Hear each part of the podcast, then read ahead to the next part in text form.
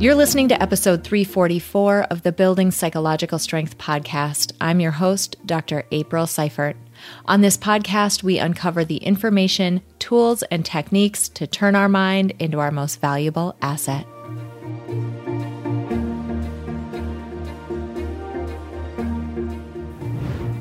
Hello, friends. Welcome back to this episode of the Building Psych Strength podcast. My name is Dr. April, and I'm your host. This week is a really interesting week on the podcast because we're going to be talking about some very fundamental things.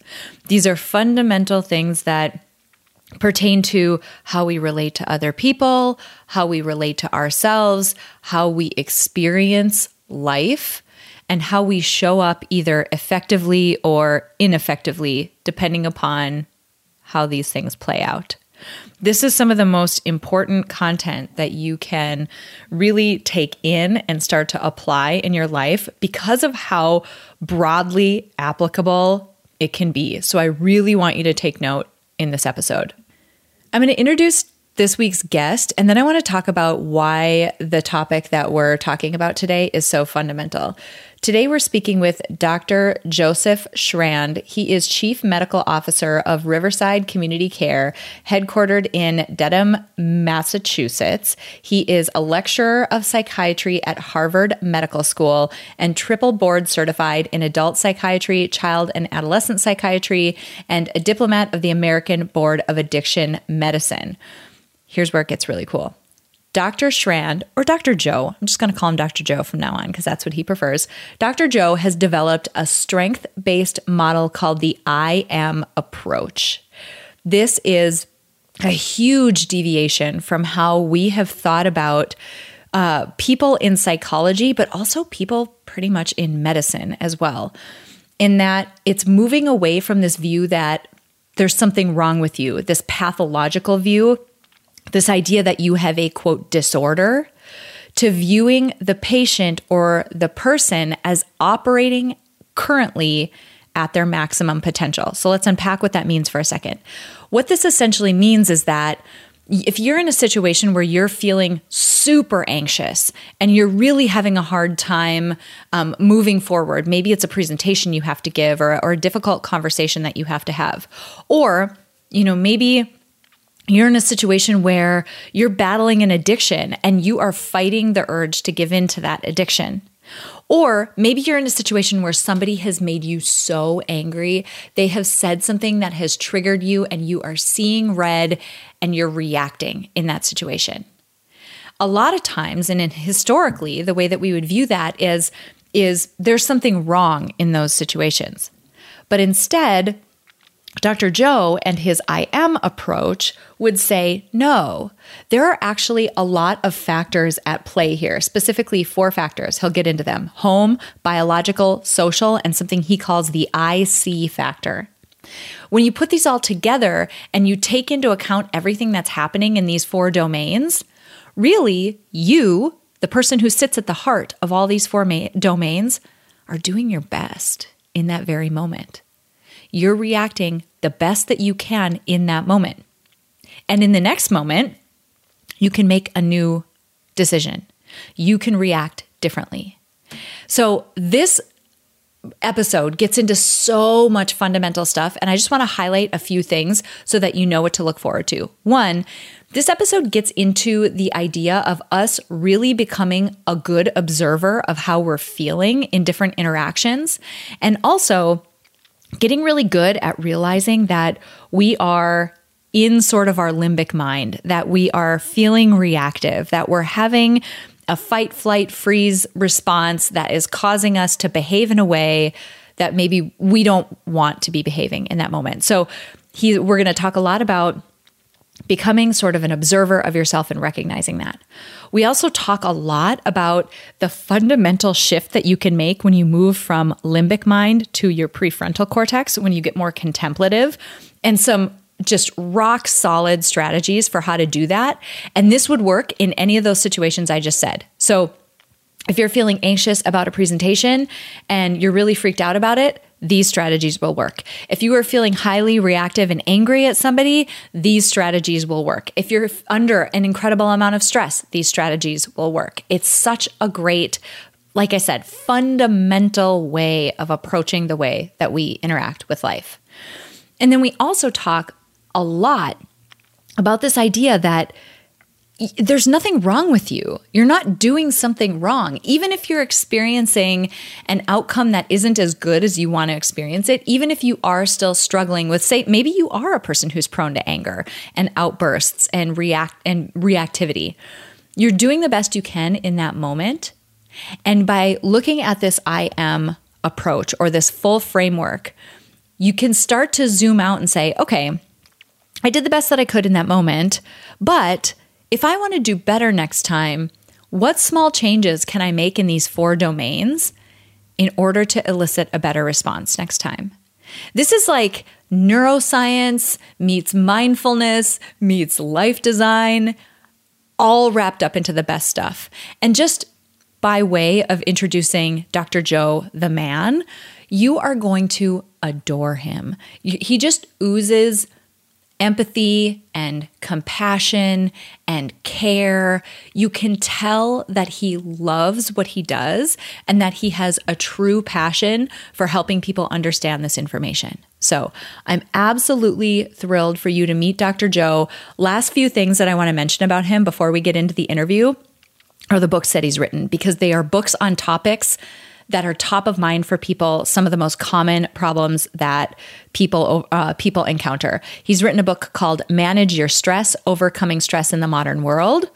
Fairly common, right? A pretty common problem. Second book, Outsmarting Anger Seven Strategies to Diffuse Our Most Dangerous Emotion. Um, he's also written The Fear Reflex: Five Ways to Overcome It and Trust Your Imperfect Self. And do you? And finally, um, his next book comes out. It's called Unleashing the Power of Respect: The I Am Approach. So, tons of books. There's more than even what I've mentioned, but I just wanted to mention those ones because they're so common. He's such a wealth of information, and he's so great at making it very applicable in your life. So I'm absolutely thrilled for you to meet Dr. Joseph Shrand. And here's that interview.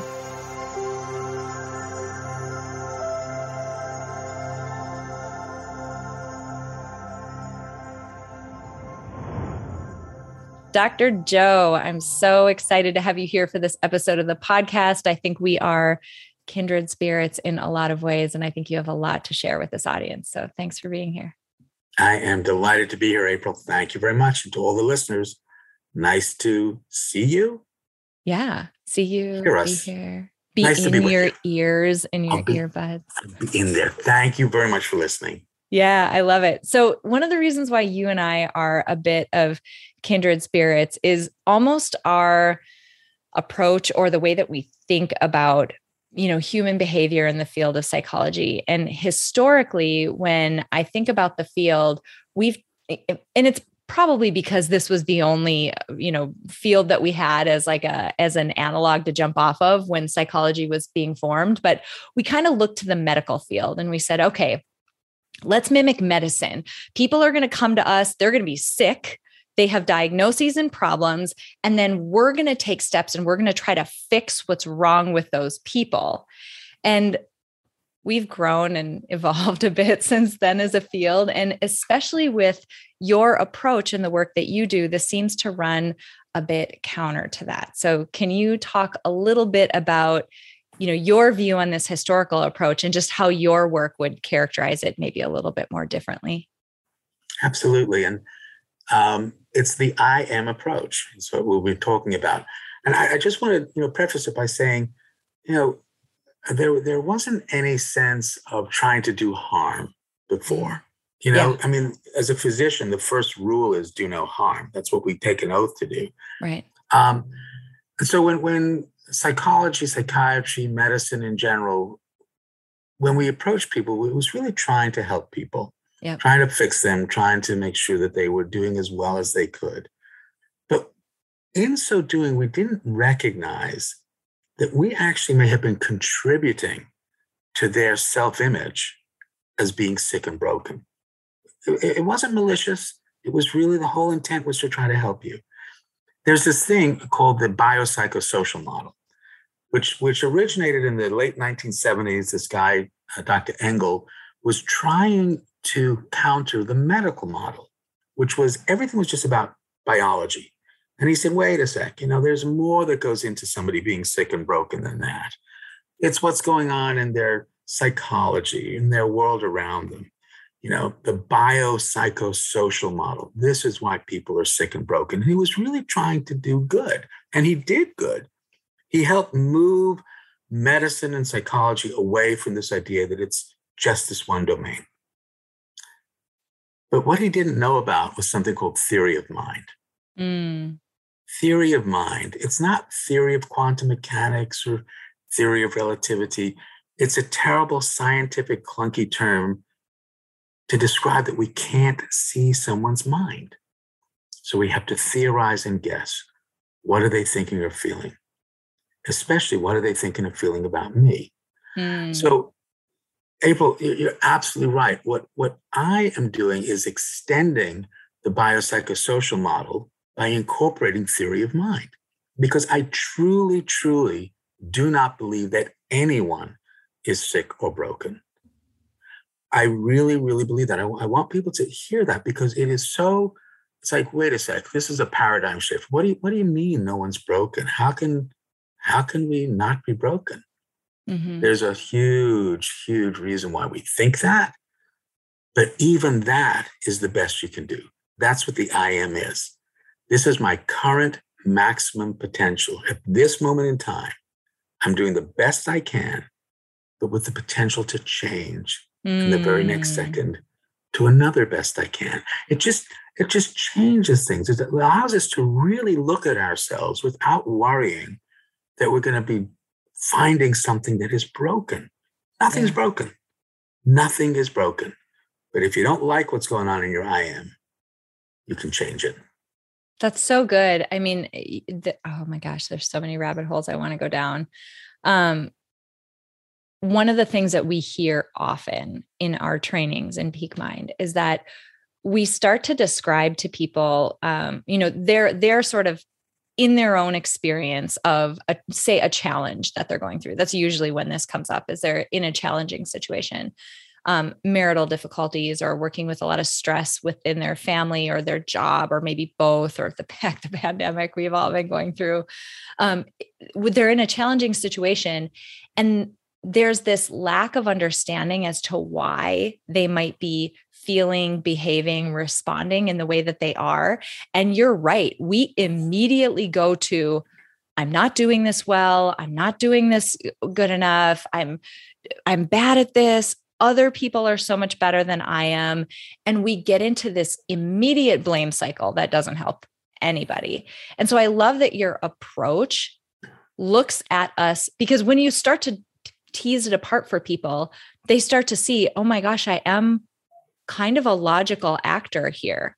I'm reacting to a lot of different like inputs and, and stimuli in a fairly logical way. And you start to have less of that self deprecating layer that you just mentioned. So I would love if you would give us an overview of the I am approach, especially because, you know, as you look at the logo of it, the center is so important. And you you touched on it just a moment ago, but can you give us kind of the the lay of the land of the model? And then we'll probably dig into a lot of different places in it. I would be delighted and honored. And just to to say when you doubt yourself, that's still an I am Mm. That's still the best you can do at that moment. But it's important to understand why. And, and, and just like you said, you know, we can be so reactive. It's much more important to be reflective, right? Much more effective to be reflective and to wonder instead of worry. Um, so the I am approach. I believe that we're doing the best we can, but we're influenced by four domains your home domain. No one's going to argue your home has had an influence on who you are. The social domain, which is the rest of the world. That's you going to work, that's you being in school, that's walking down the street, that's going into a store. And you can appreciate that stuff that happens at home can influence the choices you make in the social domain and mm-hmm. vice versa, you know? So those two domains, the home and the social domain, are outside. And then the two internal domains, the biological domain of your brain and body. Am I hungry? Am I tired? Am I digesting lunch? And then the I see domain. How do I see myself? Mm. How do I think mm. other people see me? My current concept of myself. When I created this back in 1982, I had no idea about the biopsychosocial model, no idea about theory of mind. I just thought, you know, let's change the paradigm. Let's look at people doing the best they can. And one of the things that's important is how do I think people see me? So these four domains interact all the time. But I truly believe we respond the best we can. You don't have to like your I am. You don't have to condone it. It's not a free ride. You're going to be held responsible. Just because it's the best you can do at that moment doesn't mean you're not held responsible because everything you do has a natural consequence. And the I am isn't even saying you're going to win and be successful. It's important to understand that. It's not saying you're always going to win. And for some people, success is when you love going to work and love going home. For some people, success is having food in the refrigerator. For some people, success is having a home to have a refrigerator. Mm. For some people, success is just being able to wake up and get through the day. You will decide what success means to you, and it will change from moment to moment as your I am changes. But instead of judging yourself and other people as lessened and broken, should be doing better, what's wrong with you? Let's look again at why we do what we do based on the influence of the four domains. And I just want you to think about the words look again for a moment. Look again, reverse them. Again, look. Again, to repeat something, look like a spectator.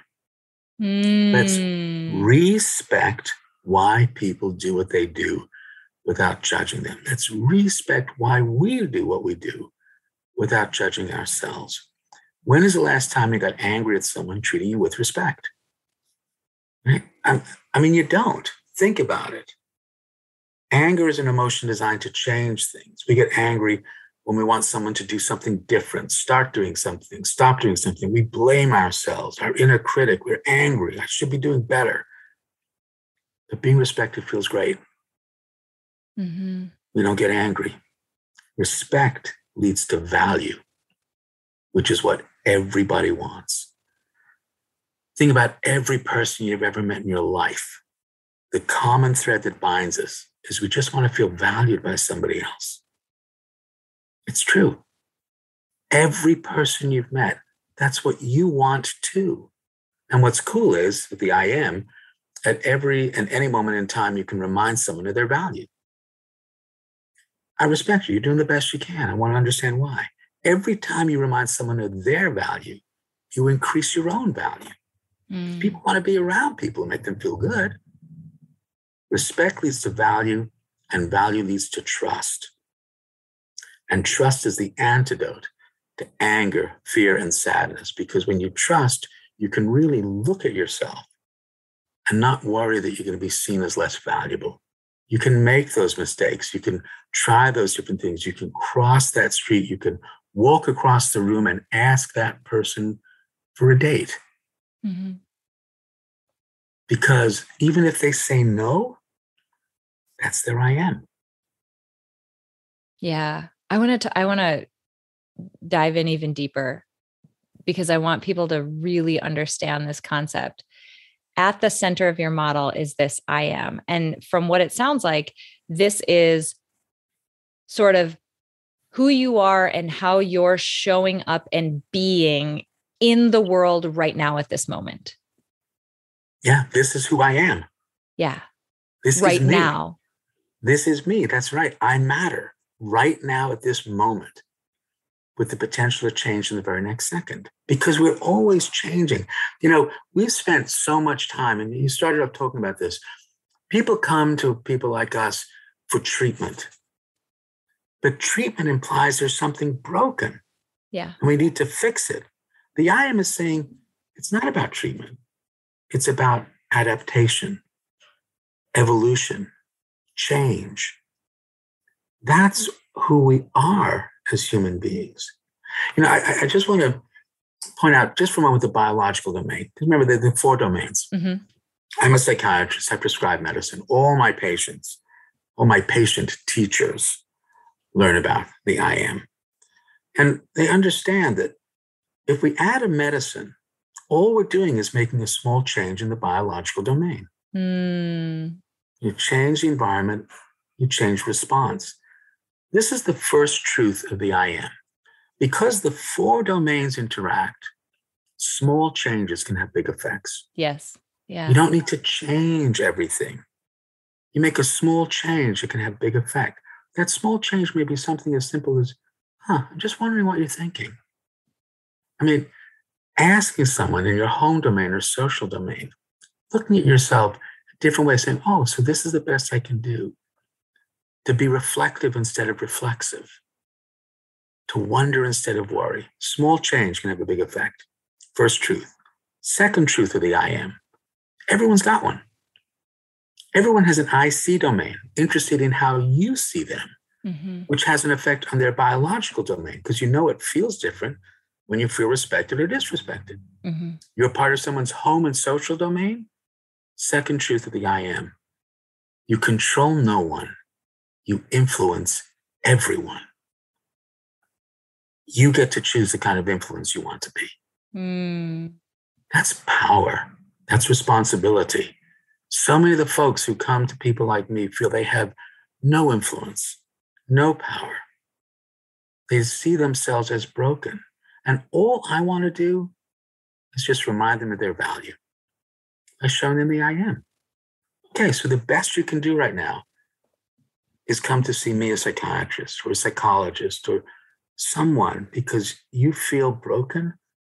No, you're not broken. Let's look at the four domains. Here's your roadmap. Here's your roadmap to change. These are the four domains. What small change do you need to make in any one of them so you have that new success and you go to your new I am? Mm-hmm.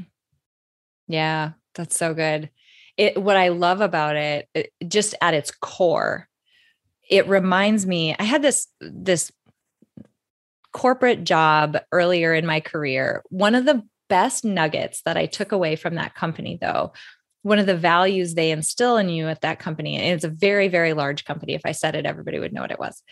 Um, is that when you're interacting with people, you assume positive intent, even if they did something that was that had terrible consequences, like really hurt your feelings or was inappropriate or whatever, to assume positive intent. And I hear an element of that in this, in the way that we react or interact with other people, and even in the way that we interact with ourselves. So, in my current I am, even if I'm behaving in a way that had a consequence that wasn't great, can I assume positive intent and can I put myself in a position of, I love that you were talking about wondering instead of worrying. And then you give people a framework of what to wonder about.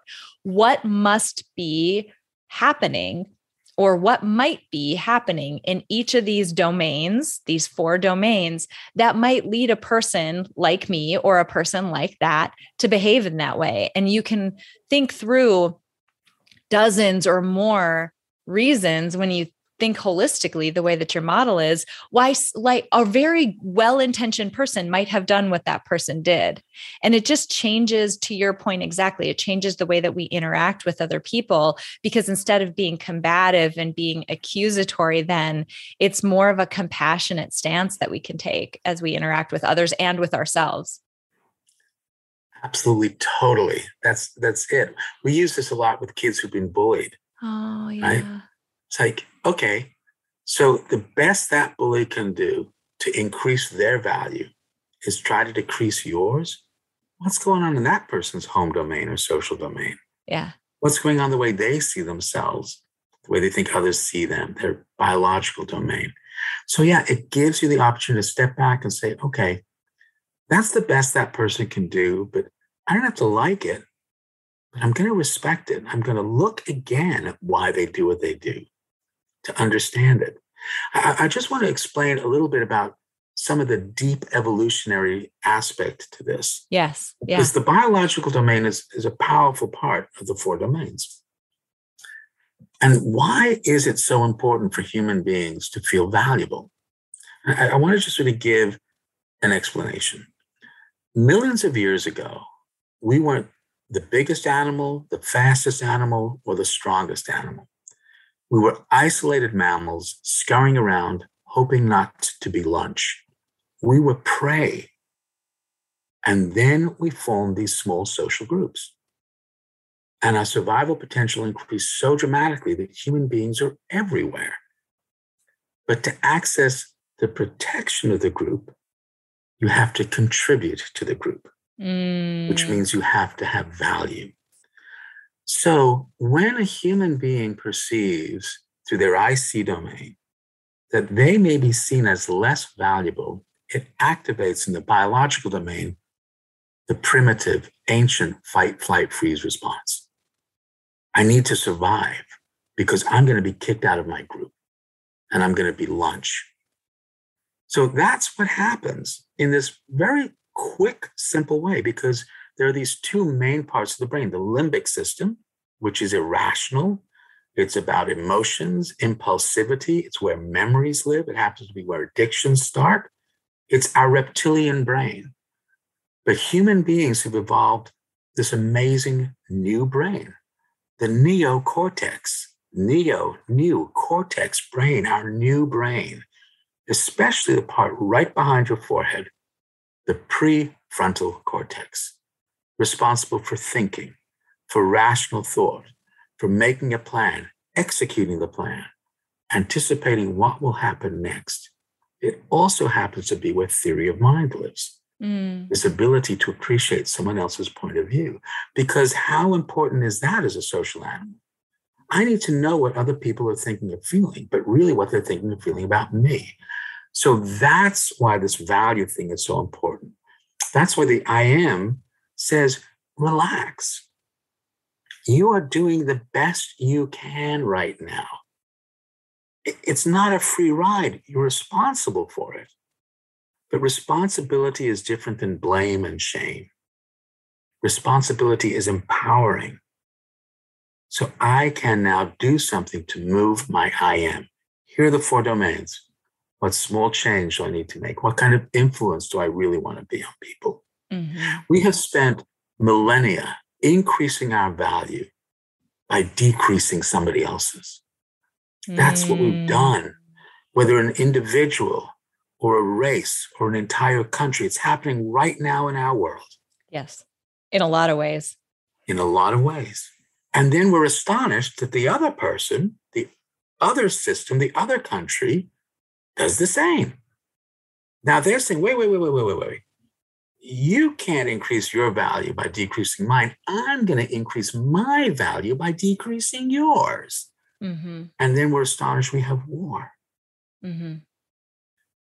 It's an I am. Mm-hmm. But we can do something different. That I am is very limbic. I have to be better than you to be valuable. No, not at all. We are a community. We're one group. It's called humanity. We don't have to be this group and that group and this group and that group. Whenever you remind someone of their value, you increase your own value. This has such power. This is unleashing the power of respect. This is what it's about. Because we have a prefrontal cortex that can anticipate the future. If we stay limbic, we will destroy ourselves. Mm-hmm. It will still be an I am, but I don't have to like it. Yeah, I want to push even into that even further. This idea that, right, we have these, and this is oversimplifying, but for this purpose, I think it works great, right? Limbic versus this more rational, contemplative part of our mind, brain, whichever word you want to use today. Um, you said so beautifully that if we stay limbic, it, it's just destruct, destructive in a lot of ways. It's destructive in the way that we interact with other people. It's destructive to us and our own relationships with ourselves and just everything that goes on internally with us. there's I want to go back to your your notion of wonder or curiosity or experimentation or questioning, right? If one of our goals in terms of how we want to function like everybody wants to like get through life just doing a good job like we and we want to feel good in the process of doing that like a, a common goal for people i just i, I want to show up and be in psychology we would call that effective like we get good outcomes we show up and we behave in a way that um, we can be proud of. We have to get out of that limbic very reactionary emotion driven very subconscious sort of mind. And I love that you lean on wonder because that limbic system doesn't run on questioning and seeking answers. It doesn't run on how might what might be happening here. That's a rational thought process. And I don't want people to miss the power and the breadth of how you can apply this in your life. If you find yourself getting highly reactionary, highly emotionally charged in any situation for any reason, curiosity is like the little switch to turn on the part because what you're trying to do and I would love your hot take on this. Like what you're trying to do is you can't force your limbic mind to to stop. It's like there and it's active. But you can also almost like dilute out its impact on you by turning on a different part of your mind and curiosity does that so go i want your take on this because it's such a powerful tool Absolutely. you know how many times have you done something impulsively yeah limbically right. and slapped your forehead going oh what was i thinking well you weren't but you're trying to jumpstart your prefrontal cortex yeah. oh oh you know you slap your forehead so we need the limbic system the limbic system has helped us survive for millions and millions of years, but there are no more saber-toothed tigers. Yeah. Right? So the first thing, the wonder, is really simply to recognize that your limbic system is activated. Mm. I, I, I, I, feel something. I feel angry. I feel sad. I feel scared. I'm in the fight, flight, freeze response. Mm-hmm. When you recognize that, you have immediately shifted to your prefrontal cortex because recognition is a prefrontal cortical function. Mm-hmm. I recognize what I'm feeling. I have, I have, a blog in psychology today called A Simple Technique to Manage Anxiety. It's based on cognitive behavioral therapy. What you think if it's what you feel. Mm-hmm. The first step is simply to recognize that you're anxious, recognize that your limbic system is activated. So that's the first step. That's how we begin to move to the I am. Because, okay, something happened in my home or social domain. My IC thought I was being seen as less valuable. It activated my biological domain and my fight, flight, freeze. What happened? Mm-hmm. What small change happened in any of those domains that I went into this primitive ancient survival response? It's an I am, but I don't need to now stay there. You remember, fight, flight, freeze has been critical for our survival. When you're faced with a predator that you know you can beat, you would approach it and fight it. In humans, that's anger. Anger is an approach emotion. I'm going to fight you. Sometimes you're faced with a predator that you know you can't beat. So you want to flee. That's flight. You want to get away from there. In humans, that's anxiety, an avoidance emotion. Sometimes you're faced with a predator that you know you can't beat, but you just can't get away from. So the next best strategy is to freeze, become invisible, hope the danger passes. And in humans, I think that's depression, mm. where you're faced with something you can't beat it, you can't get away from it. Mm-hmm. Each one of those things potentially diminishes your value. But human beings have evolved three new F's, right? Family, friendship, fellowship. If you're not very good at spelling, physician, but where where we share the worry, we become a community where we remind each other of their value. We say, you know, we're going to preserve this, we're going to help you. So the limbic system, critical part of our survival, but we don't need to live there anymore. We don't want it to go away you know, appreciate that limbic system. Thanks for checking out for me. But prefrontal cortex says, I'll take it from here. Let me think this one through. Let me be reflective instead of reflexive. Let me wonder instead of worry. Wonder is prefrontal, worrying is limbic. Bottom line, take home message keep it frontal, don't go limbic. That's so good. That's so good. I love this model in how comprehensive it is, but also how much it maps over onto our life experience in a way that we can understand, right? Like, I mean, all of us can look at our own, you know, life experiences and we can say, okay, well, I understand what my home domain is. Like, I get that and i can i know the people who are or aren't there and how that feels in my life and how i tend to react there. And i just love that this gives people this amazing framework for how they can approach how they experience life and make changes. Yeah.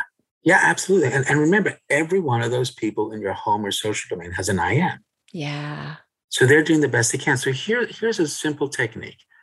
When somebody is saying something to you that, that maybe activates your limbic system or you, you feel disrespect or something, you can say, wait a sec, are you saying that? Mm-hmm. And when you use the words, are you saying that? They get an opportunity to reflect. But what have you really done? You have not confronted them. You're asking them to clarify, which means you are actually saying they're valuable. What they're saying is valuable to you. I just want to be sure I understand it correctly. You've given them a gift of time. You've you're listening. You're you're allowing and encouraging the conversation. It's it's really important to understand one other part of our brain called mirror neurons. And these are, they were controversial at first, but part of our brain where we mirror other people's emotions. We've all done it you go to a movie, you see something happy, you feel happy, sad, you feel sad, scared, you feel scared. We mirror each other's emotions. So when someone's angry, we may get angry. But once you understand mirror neurons, you can say, wait a sec, that's their I am. Let me be respectful and I will activate their mirror neurons so they can become respectful and valued and trust. Mm-hmm. You know, I, I, I wish it was really complicated, but it's it's really not. I mean, this is really simple, simple stuff that you can do every day. I haven't, I haven't discovered anything. Whoa, this is amazing. But when you shift the paradigm from being sick and broken to doing the best you can, it changes stuff what is you're listening, but you can't see April smile right now. She was just smiling in response to this because it's so true. It, mm-hmm. it activates this part of our brain that goes, ah, what a relief. You know, talk about psychiatry and psychology and medicine. We have created, in many ways, with, without meaning to innocently, we've created a world of stigma mm-hmm. by using the word disorder. Yep. Bipolar disorder, attention deficit disorder, post traumatic stress disorder. I mean, first of all, it's a stress. There's no disorder. Response. I was going to say, I can't think of anything you know? more like logical like, and adaptive. Like, the, of course, like, of, of course, course exactly, that's what happened. Right? right? Yeah. So, so as soon as you have this disorder, you lump people into two groups. This group is okay, but that group is disordered. Right. I don't trust them. Disorder means I can't trust them. I can't anticipate their action. I don't know what they're going to do. Okay, so mistrust works backwards. Mistrust leads to devaluation, which leads to disrespect. Mm-hmm. This is part of what we have in our world as well. Yeah. We have a world in which we've separated people into groups for what reason? Because we were trying in medicine, we were trying to do good. And, and, and it's important for people to understand that. But we're at a different place now. We didn't know about theory of mind when Engel created his biopsychosocial model. He didn't know. It wasn't understood until many years later. Mm-hmm. But as soon as you integrate the IC domain, you change the paradigm because I know you're interested in what other people think or feel about you. Mm-hmm. And I want to be sure that you know that you're respected and valued. And that allows trust. And trust is based on a neurohormone called oxytocin, not Oxycontin, oxytocin, which is the chemical that's released when somebody says you're amazing, you're great. And you get that rush. That's oxytocin. It's a healing chemical. There's all sorts of data to show how oxytocin can heal we live in a world right now where our biological domain is on fire mm-hmm. with stress, with, with COVID, with, with pandemics, with the racial divide, the political divide, with wars. And here, I think, is what's going on in your biological domain. We are making a chemical called cortisol. Mm-hmm. Cortisol is a natural part of the stress response right? When you're faced with a danger, you release cortisol. It activates all those things that we were talking about, you know, that feeling of anxiety, all these different things, because you're trying to run away from a saber-toothed tiger. Mm-hmm. Your heart rate increases, your breathing changes, your muscles get tense. You may feel sick to your stomach. You may get the cold sweats. Perfect for running away from a saber tooth tiger because you need to take the blood and you put it into your arms and legs, you pump it there, but you don't just make more blood.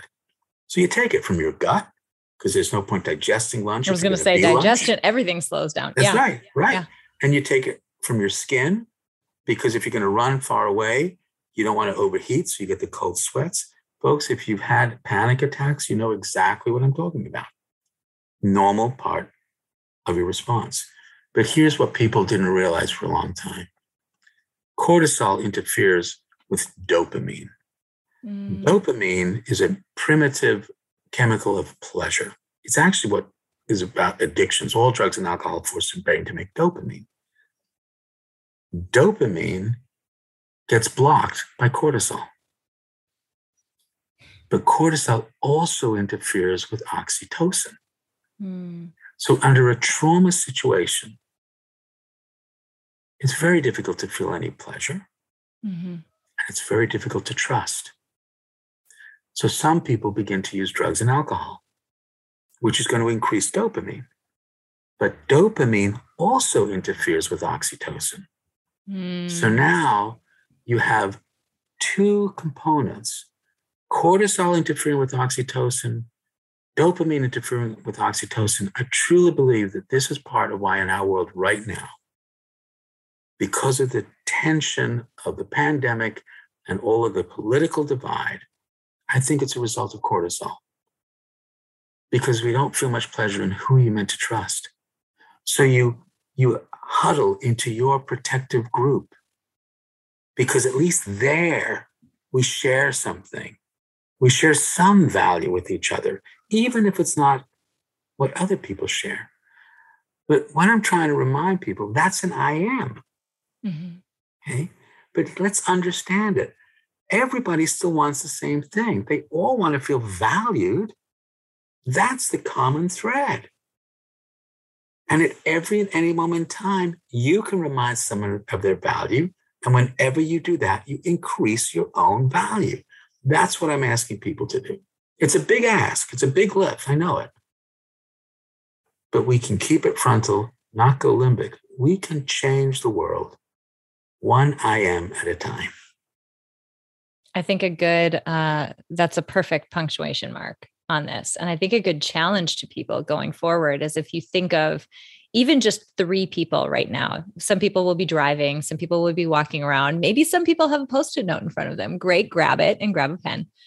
But if you think of three people who this week you could reach out to and in some way remind them of how valuable they are to you or make them feel like they mean something in your life and make it genuine, um, and just be really mindful of how you feel. It reminds me of that experiment that Seligman did like forever ago with writing a gratitude letter to someone and then calling them and actually reading the letter. And it's almost overwhelming how good it makes you feel and how good it makes them feel and the lasting effect of it.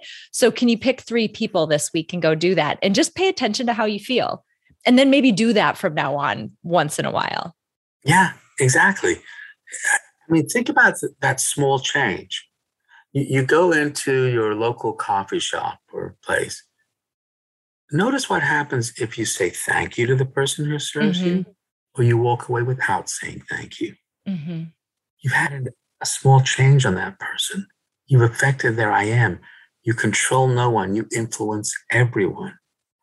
You choose what kind of influence do you want to be? And I believe in my heart of hearts that people are good, mm-hmm. that we do care about each other, that we do want to be part of this group. You know, when, it, when an infant is born, they're not aware that they're separate from the rest of the world. They don't recognize that separation of their identity from somebody else's yeah. for months. It's fascinating. That's how we come into the world is connected. Connected. And then around six months, we've, we've seen enough faces. We know that we're separate and we develop stranger anxiety. Mm. Because we can compare sets of information. I recognize that face, but I don't recognize that face. Mm-hmm. And that limbic response happens. Am I in danger? The baby cries to attract their protector. Mm-hmm. Normal part of being human. It's okay. But as we grow older, we want people to be able to trust more and to be part of that community. And there's always going to be someone you go, you know, I can't trust that person. But now you have the I am to figure mm-hmm. out why. Yeah. What's going on in their I am that they are creating an impression of themselves where it just activates my limbic system a bit more. Mm-hmm. Pay attention to it. Don't dismiss it.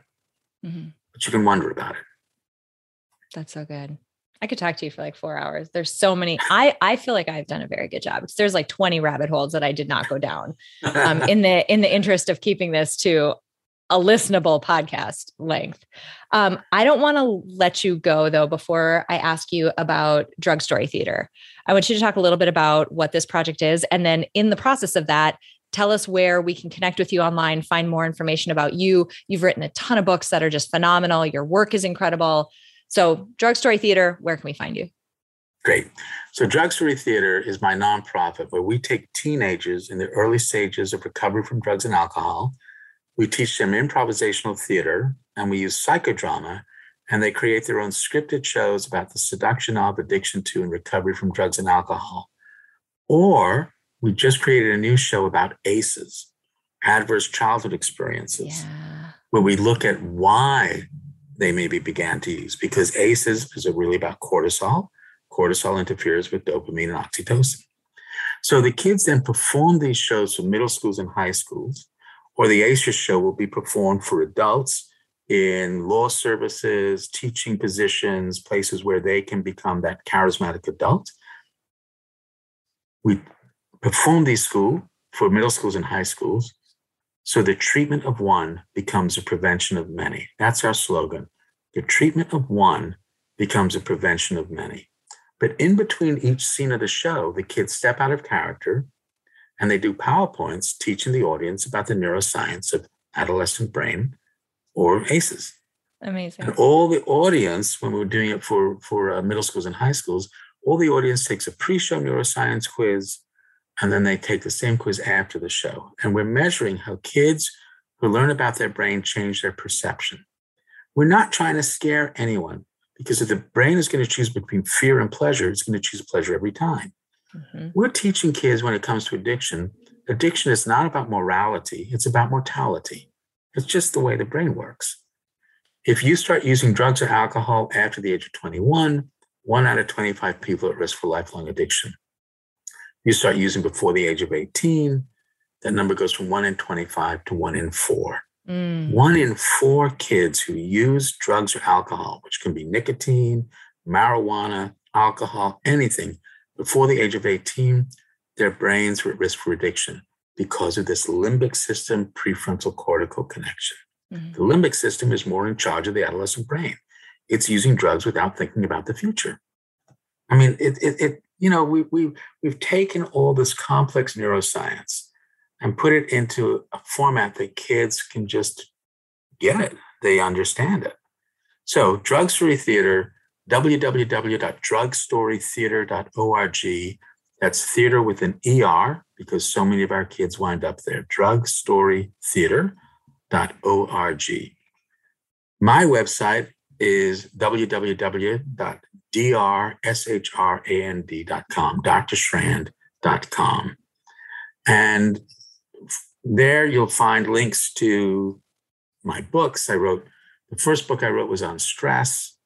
The second book I wrote was totally irrelevant to today. We have no stress right. these days. Right, exactly. stress and the cortisol response, uh, and, and and teaching that the best way to reduce your stress is to reduce somebody else's because it increases your value, decreases your cortisol, increases oxytocin. So stress, anger, which won an award for outsmarting anger. When's the last time you got angry someone treating with respect? Um, and then a book on fear. At which point my wife said, "Are you trying to tell me something? You've written a book on stress, anger." I said, "No, no, no." Uh, and then uh, a book called "Do You Really Get Me?" Theory of Mind. And then my latest book just come out, "Unleashing the Power of Respect: The I Am Approach," which is a collection of stories by my patient teachers who taught me things, and then reframing everything through an I am lens. So you see, there's no illness, there's no disease. These people were responding the best they could. Let's understand it. And you can get all of these on Amazon. That's amazing. Dr. Joe, you make all of this feel so applicable and important in our lives, which of course it is. But sometimes, you know, we chatted a bit before we hit the record button that you know in psychology we when we're studying these things and doing this research and even reading each other's research we see like oh my gosh this is so impactful. But then we make it all sound so academic and untouchable and you don't realize how much weight it can have in impacting your life experience. And i just love the way that you've approached this work because it bridges that gap so beautifully and you can really see how every interaction in your life would be different and in your own self-concept would be different if you put this stuff into practice. Yeah and i'm going to just change that april when you put it into practice. Yes i love not it. not just if. The other thing is folks you know i've got a podcast dr joe show exploring who we are and why we do what we do um, where we talk with people from all over the world who are who are these neuroscientists or authors or beekeepers or or um, Hollywood producers, and and they talk about their lives, and and mm. we apply the I am approach to what everyone's doing because it's applicable to everyone. So uh, if you listen to the podcast, the Dr. Joe Show, you have to put in uh, Shrand, or else you will get a different Dr. Joe, and you'll learn a lot about cigars. Oh, okay just in case. oh my gosh, I love it. This has been so fantastic. I just appreciate you so much for spending some time with us today. My pleasure. Thank you. All right, friends. This has been such a valuable conversation. I have a page of notes and especially a few resources that I want to make sure that you have, in addition to the couple of links that Dr. Joe showed or shared that I'll have in this episode description and on the show notes page some more resources for you. So hang out for just a second and I'll be right back.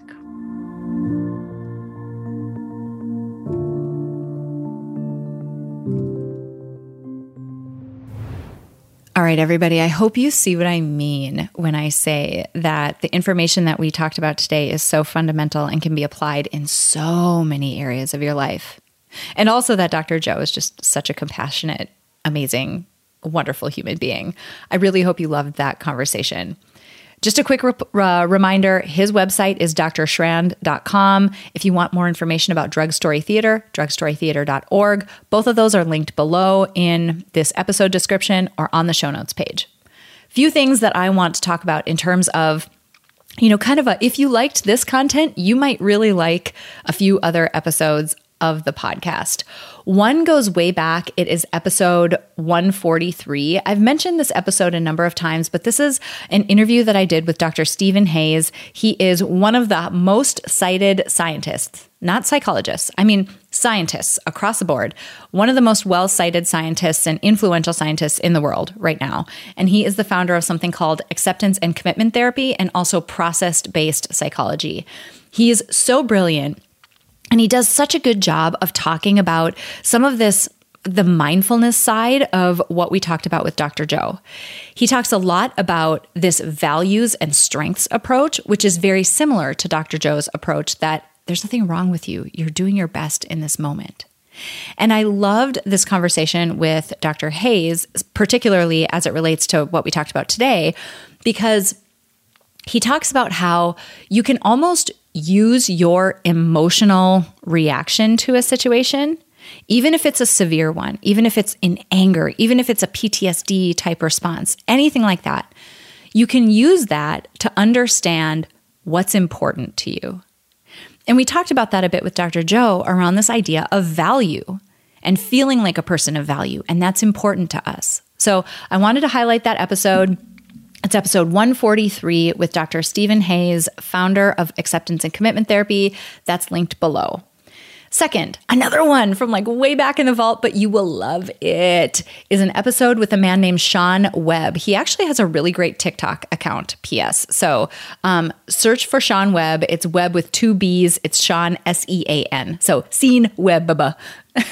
to help you find it. He was episode 159 and he talks all about mind hacking happiness. So Sean actually works with the Navy SEALs and corporate, I mean, Fortune 100 giant companies, the US government, all these different people to help people do a better job, show up, be behaviorally more effective from a neuroscience approach. You can see how that relates here. As Dr. Joe was talking today, I was like, man, there are very few people who can take neuroscience and make it one, accurate, but two, very understandable and applicable. Dr. Joe is one of those people, and Sean Webb is one of those people. So go check out episode 159 to get more information and to just meet him, meet Sean. He's also just incredibly great, and I think you'll really enjoy his episode. It's all about mind hacking happiness. Lastly, we talked with Dr. Joe a lot about how this I am approach can be used to foster a connection with other people. It can also be used to foster the connection that you have with yourself. In episode 315, I talked about ways to cultivate a relationship with yourself, and it relates so beautifully to a lot of what we talked about here. We started to approach and touch on elements of self compassion, which I didn't go down that rabbit hole because, gosh, it would have been another hour that we would have been on this episode. But if you want to go deeper into how this might relate to developing a relationship with yourself, this is something I'm increasingly passionate about these days. I believe that is relationship number one that needs to be strong and authentic and healthy before you can do this with other people. Please go check out episode 315, linked below, Cultivating a Relationship with Yourself. Friends, I'm so happy you were here this week. I truly loved this conversation. I think I'm going to be on Dr. Joe's show coming up uh, sometime in the future. I'm sending him dates right now. So um, be on the lookout for that if you want to hear a little bit uh, more about. Uh, his work and another conversation between us. Check out his show. Uh, watch for me. Should be on it here sometime in the next uh, couple of months. And finally, let's remember that time is the most non renewable resource on the planet. And I'm so grateful to each and every one of you who chose to spend some of your precious time with me today. I'm Dr. April Seiford, and I will see you next week.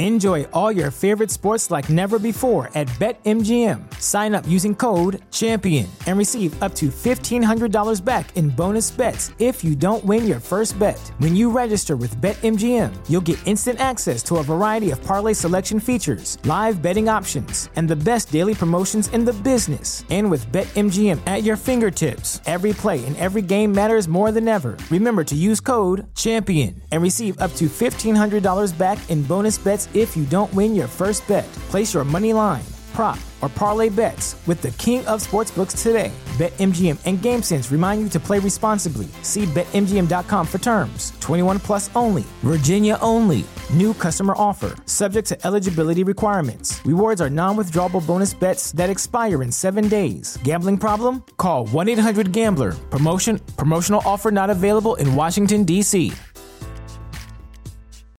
As humans, we're naturally driven by the search for better. But when it comes to hiring, the best way to search for a candidate isn't to search at all. Don't search, match with Indeed. When I was looking to hire someone, it was so slow and overwhelming.